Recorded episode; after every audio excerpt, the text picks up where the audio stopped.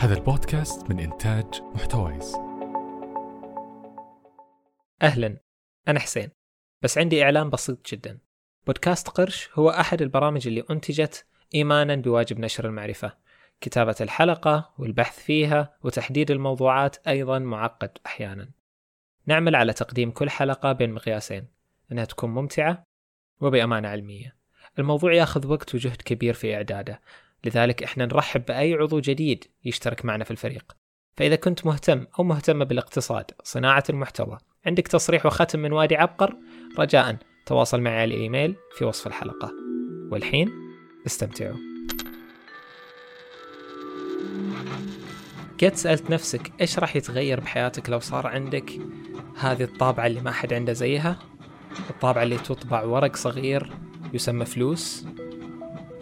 بتكون أغنى إنسان في الدنيا. تطبع فلوس للأبد بتصير مليونير وتشتري قطعة أرض على سطح المريخ. حياتك ممكن تنقلب إلى جنة بمجرد ما يكون عندك هذه الطابعة السحرية.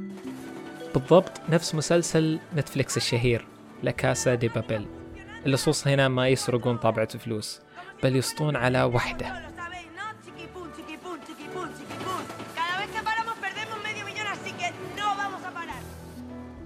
يعني نقدر نقول استعارة وبيرجعونها بعدين.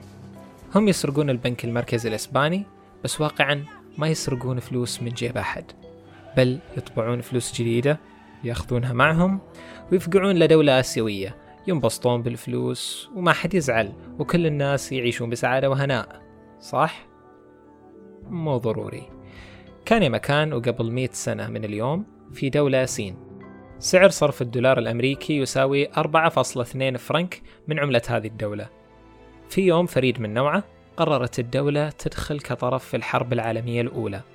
وكطرف في الحرب تحتاج تمول جيوشها بالأسلحة والأكل والعلاج إلى جانب الدوافع والمحفزات. فأمرت الحكومة 130 شركة طباعة لطباعة كميات كبيرة من عملتها اللي كانت معومة. يعني أنها ومثل ما شرحنا قبل مش مدعومة بالذهب. 130 شركة كل شركة عندها على الأقل مطبعة واحدة كلهم متفقين على مهمة واحدة بس يطبعون فلوس زيادة. فجأة العملة تفقد قيمتها بتسارع جدا مخيف. بدل من أنها تعطي الناس إمكانية أفضل للحياة الفلوس بدأت تخسر قيمتها والناس بدأت ما توثق بعملة بلدها. والسبب؟ كان طباعة الكمية الهائلة طبعا.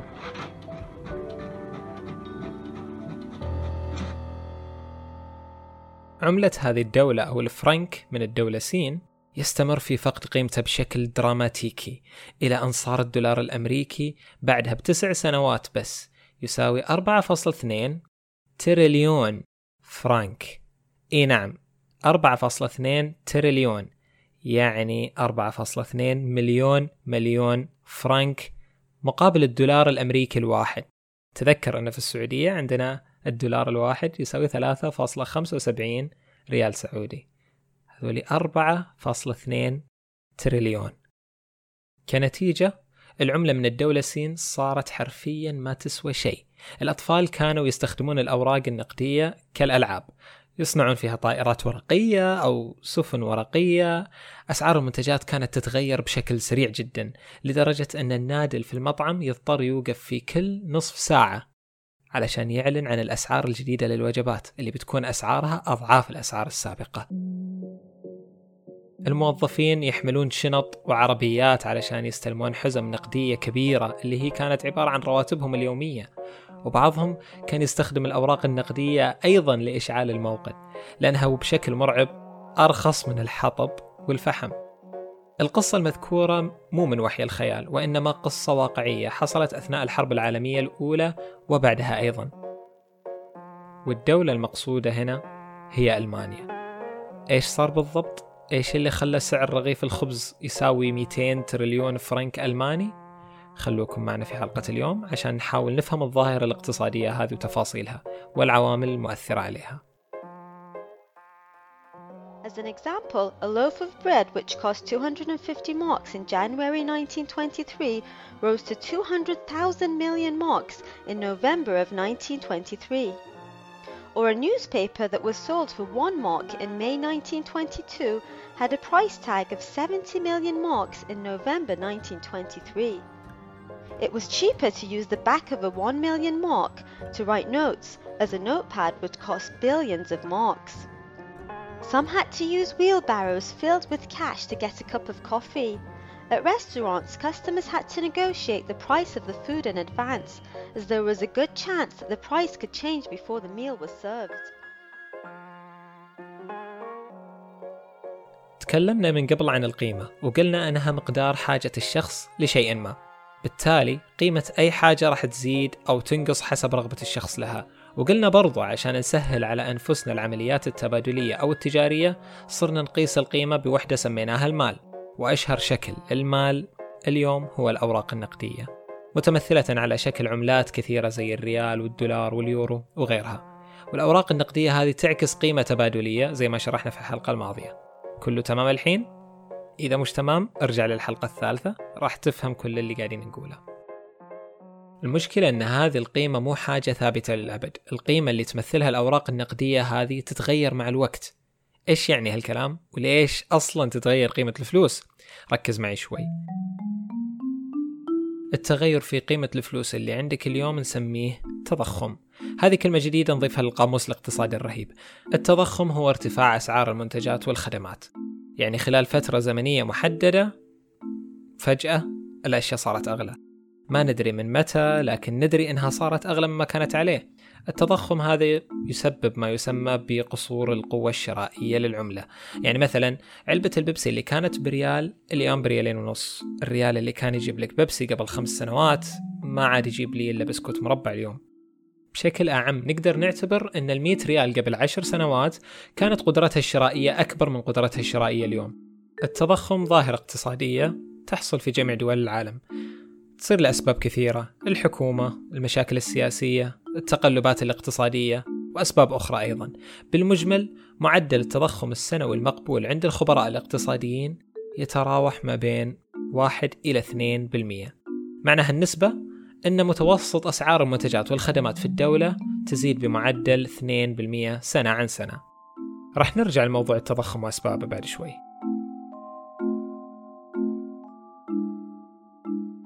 طيب كيف نتعامل مع التضخم كأصحاب تجارة أو أفراد؟ التضخم الحاصل في العملات سبب شكوك وريبة كبيرة عند المستثمرين بمعنى أن لو افترضنا أن صديقنا مبارك عنده رأس مال معين وقرر يستثمره عشان يشتري فيلا. هذا الاستثمار راح يضمن له عوائد. يعني المفروض راح يطلع ربحان. وكذا الأمور بتصير كويسة بالنسبة لمبارك. مو ضروري. مبارك يوم استثمر المبلغ كان يتوقع أن هالعوائد بتشتري له فيلا. بسعر الفيلا اليوم. لكن وبسبب التضخم الحاصل مبارك ما يدري هل العوائد اللي راح يربحها بعد كم سنة تشتري له فيلا بالمستقبل أو لا. أو بعبارة أخرى هل القوة الشرائية للعوائد هي نفس القوة الشرائية للاستثمار اليوم؟ هنا مبارك إذا كان مركز معنا راح يعرف أنه مهم يبحث عن مستشار مالي ويعرض عليه مشروعه الاستثماري. وكم ممكن تكون العوائد وكم رأس المال اللي يحتاجه وإلى آخره. المستشار المالي راح يحسب له حسبة سريعة بمعادلة نسميها معادلة القيمة الحالية والقيمة المستقبلية. بعد ما نحسب القيمة الحالية للربح المستقبلي ممكن نلقى أن العوائد الربحية بعد كم سنة هي واقعا مجرد خسارة. في الحالة يعتبر استثمار مبارك ضعيف. بالرغم من أنه بيحقق أرباح بالأرقام لكنه ما راح يستفيد من قيمة الفلوس. الفلوس صحيح صارت أكثر لكن قيمتها ما تجيب له إلا دبلوكس بدل الفيلا اللي كان يحلم فيها. والسبب؟ هو معدل التضخم الكبير.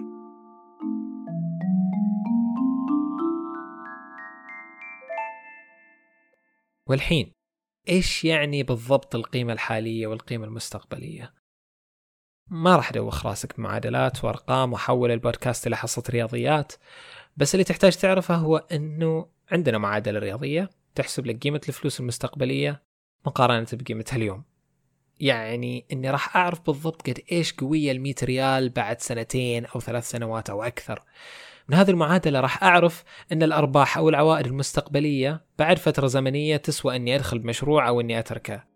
خذ بالك أن فلوسك اللي بالحصالة أو تحت البلاطة أو في خزنة المكتب ليست بأمان وقاعدة تخسر قيمتها يوم بعد يوم باستمرار معناها إنه إحنا مو بس نستثمر عشان نزود أرباحنا ونشتري فيلا بالمستقبل وإنما برضو نستثمر بس عشان نحافظ على قيمة فلوسنا عودا على موضوع التضخم إيش اللي يسوي التضخم؟ إيش أسباب التضخم؟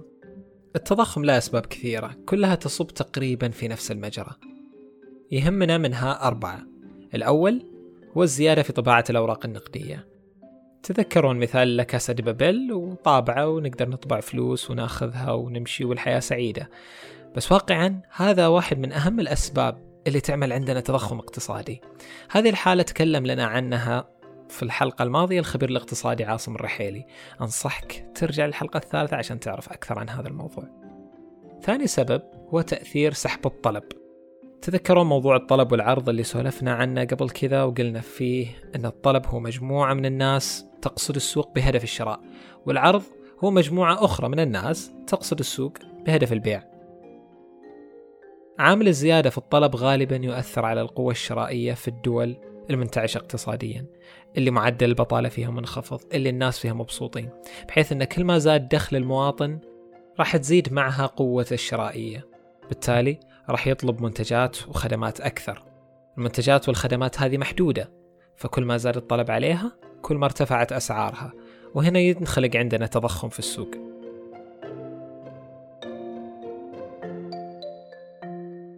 الزبدة أن موفري الخدمات والمنتجات راح يرفعون أسعارهم كردة فعل للطلب المرتفع عليها وبالتالي راح تقل القوة الشرائية للعملة وهذا زي ما ذكرنا هو تعريف التضخم. السبب الثالث للتضخم هو تأثير دفع التكلفة. هذا العامل يحصل لما الشركات أو موفري الخدمات يواجهون تكاليف عالية في الإنتاج. أول شيء لازم نعرفه في معادلة لتسعير المنتجات. المعادلة بسيطة. هي أن سعر كل منتج يساوي تكلفة المنتج زائد هامش الربح المطلوب. الحين لو رفعنا تكلفة الإنتاج الشركة بين خيارين.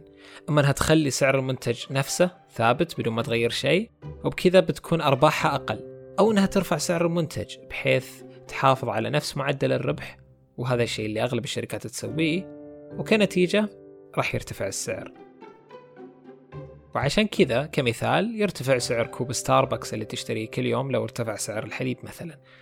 مرة ثانية هذا الارتفاع في أسعار المنتجات والخدمات راح يسبب تضخم للأسعار وتقليل من القوة الشرائية للعملة وهذا بالضبط هو نفس تعريف التضخم.